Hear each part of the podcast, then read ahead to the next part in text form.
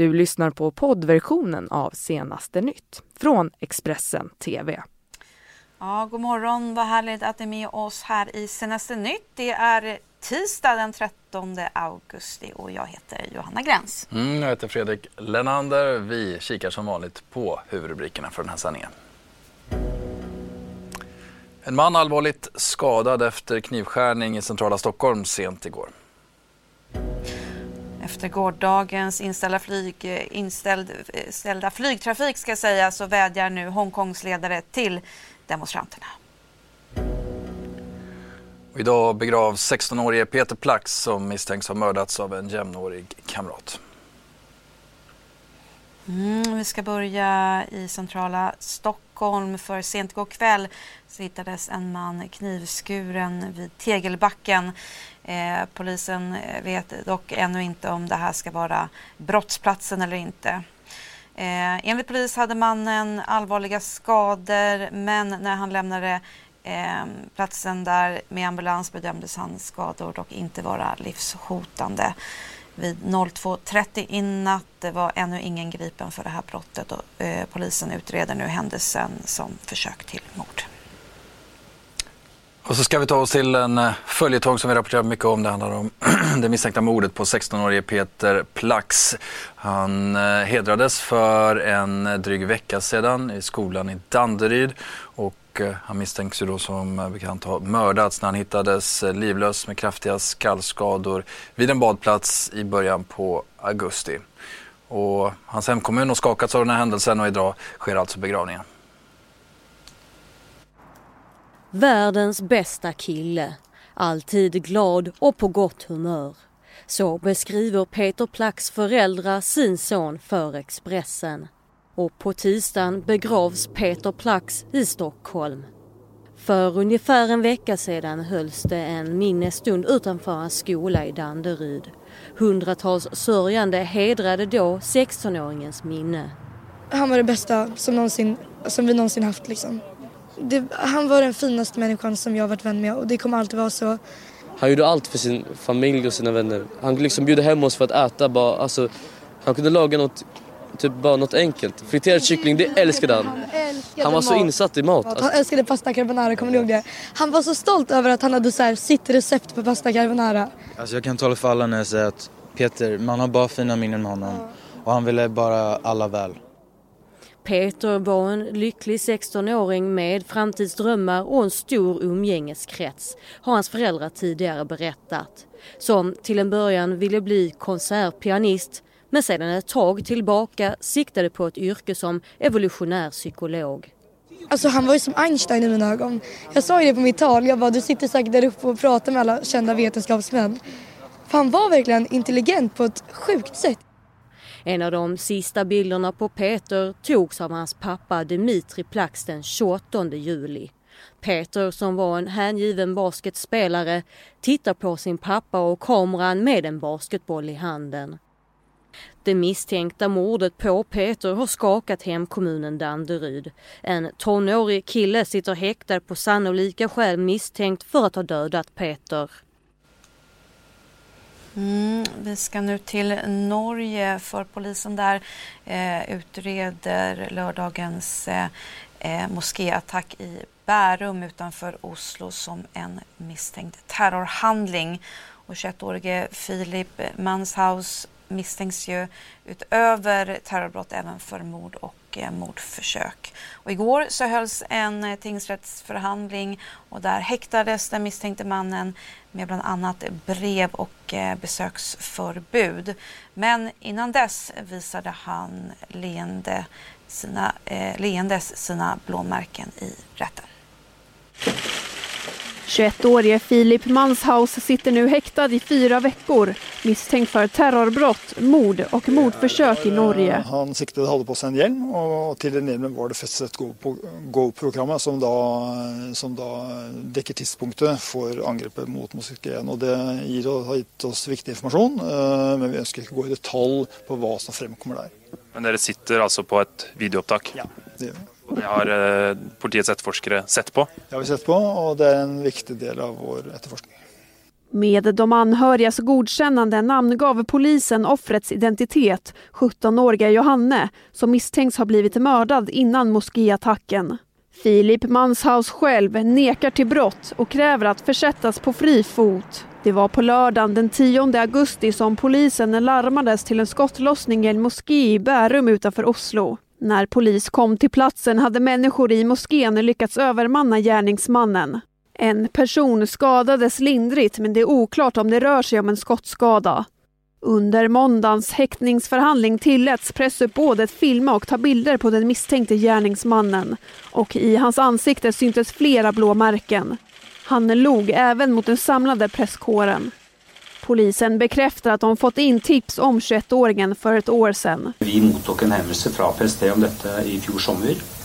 Vi gjorde undersökelser eh, men fann inte ytterligare information som eh, kunde bli brukt i förebyggande tilltag. Detta förmedlade vi till PST och vi har inte haft kontakt med siktade. Förundersökningsledare har tidigare berättat att Filip Manshaus har högerextrema och invandringskritiska åsikter och han ska på nätforum ha hyllat personer som skytten i El Paso, terroristen på Nya Zeeland samt Norges regeringschef under naziockupationen Vidkun Quisling. Vi ska här höra mer från Trym som är journalist på Dagbladet och som har bevakat den här rättssaken och då var med i tingsrätten för den här häktningsförhandlingen igår. Han sammanfattade dagen så här. Han eh, virka rolig fattet och, och levererade då flera smil till, eh, till eh, pressen som var till stede här. Mm. Det är ju, är ju faktiskt så att man ännu inte har avgitt någon förklaring till politiet om det han gjorde. Det vi, det vi også vet av detaljer fra disse avhørene av ham, er jo at eh, de forsøkte det allerede lørdag kveld og natt til søndag. De fikk ham inn på et av disse avhørsrommene som de da har eh, på politihuset på Grønland.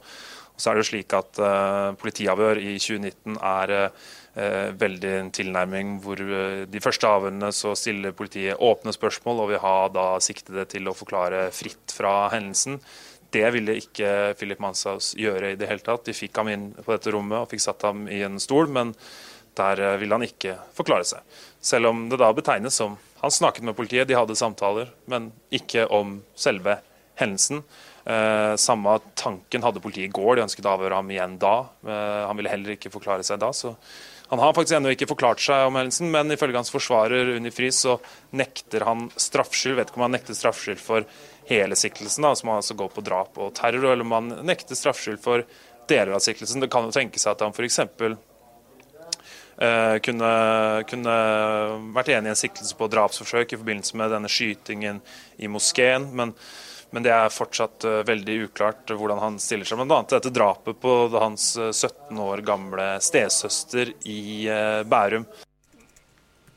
Mm, Norska tidningen då, Dagbladet har pratat med Geir eh, Lippestad, advokaten då som eh, försvarade Anders Behring Breivik eh, efter terrordåden i juli 2012 där sammanlagt 77 eh, personer bragts om livet. Och han ser eh, klara paralleller eh, till den nu terrormisstänkte Filip eh, Manshaus. En ny ung man som drivs av hat mot muslimer, säger Lippe Stad till den norska tidningen. Så vi ska till eh, de massiva protesterna i Hongkong. Mm, sedan i juni så har 600 personer gripits av polisen efter protesterna i staden och upprinnelsen är ju den föreslagna lagen som skulle göra det möjligt att lämna ut misstänkta brottslingar till fastlandskina. Men i slutet av juni så meddelade Hongkongs ledare Carrie Lam att förslaget skjuts på framtiden men trots det så har protesterna alltså fortsatt. Mm. Så är det och ehm, eh, flygplatsen i Hongkong har eh, nu kunnat öppna igen efter gårdagens demonstrationer eh, då, eh, som då gjorde att myndigheterna var tvungna att ställa in alla avgångar. Och vår samarbetskanal CNNs Andrew Stevens han kan berätta mer om situationen i Hongkong. Hundreds of passengers are now pouring back into Hong Kong airport, hoping that they can get a flight out today, this Tuesday, after the authorities here in Hong Kong took the unprecedented step of closing the airport yesterday in response to thousands of protesters gathering at the airport to disrupt operations. Hundreds of flights were cancelled, and as you can see today on the departure board, there are still a lot of delays. There are some flights still cancelled, and most of these flights are still just estimated to take off. The first flight was due to take off just a short time ago. Uh, meanwhile, there have been arrivals coming in, and people are now coming through to the airport. But at the moment, what we know is that the protesters, many of whom stayed overnight here in Hong Kong, plan to repeat their action, their protest action here at the airport today. Their aim is once again to bring operations to a standstill at Hong Kong International Airport. The message they want to get out, they say, is to show the world the extent of what they claim is police brutality. That follows a weekend of violent clashes between Hong Kong police and protesters on the streets of Hong Kong, which led to some 54 people being injured. Protesters say they want the world to see what is going on. Many of the protesters who stayed overnight I spoke to this morning say this is considered a safe place. They don't expect the police to take any action against them while they are here. Meanwhile, Beijing continues to up the rhetoric against protesters, using for the first time the word terrorism. Beijing said that there were signs that terrorist acts were being perpetrated here in Hong Kong, and they urged the local authorities to crack down with an iron fist, as they say, against protesters who commit serious crimes against the police. So the tensions continue to rise this day. There was nothing scheduled for earlier this week, but since the violent actions over the weekend, the, the, the airport has become the key target for protesters, and it is expected to continue today at least and may well continue throughout the week. Andrew Stevens, CNN, Hong Kong.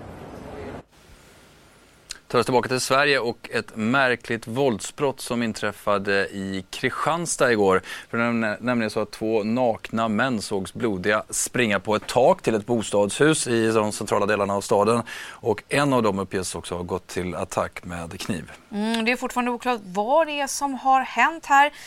Ett vittne säger dock eh, för då Kristianstadsbladet då att en naken och blodig man ska ha tagit sig in eh, via taket och att han ska ha berättat att han blivit eh, torterad i flera timmar.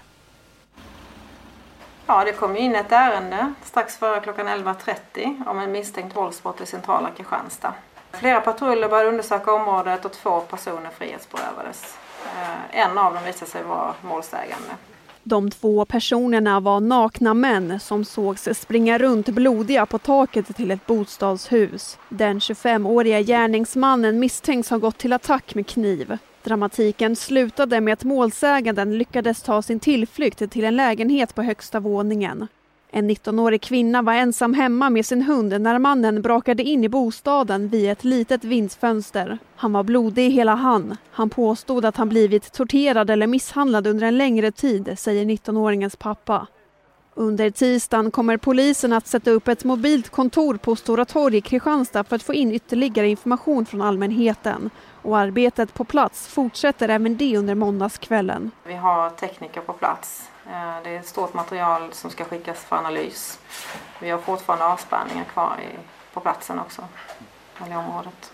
Eh, skadeläget på de drabbade? Eh, enligt sjukvården är det lindriga skador. Mm. På samtliga? På samtliga. Mm.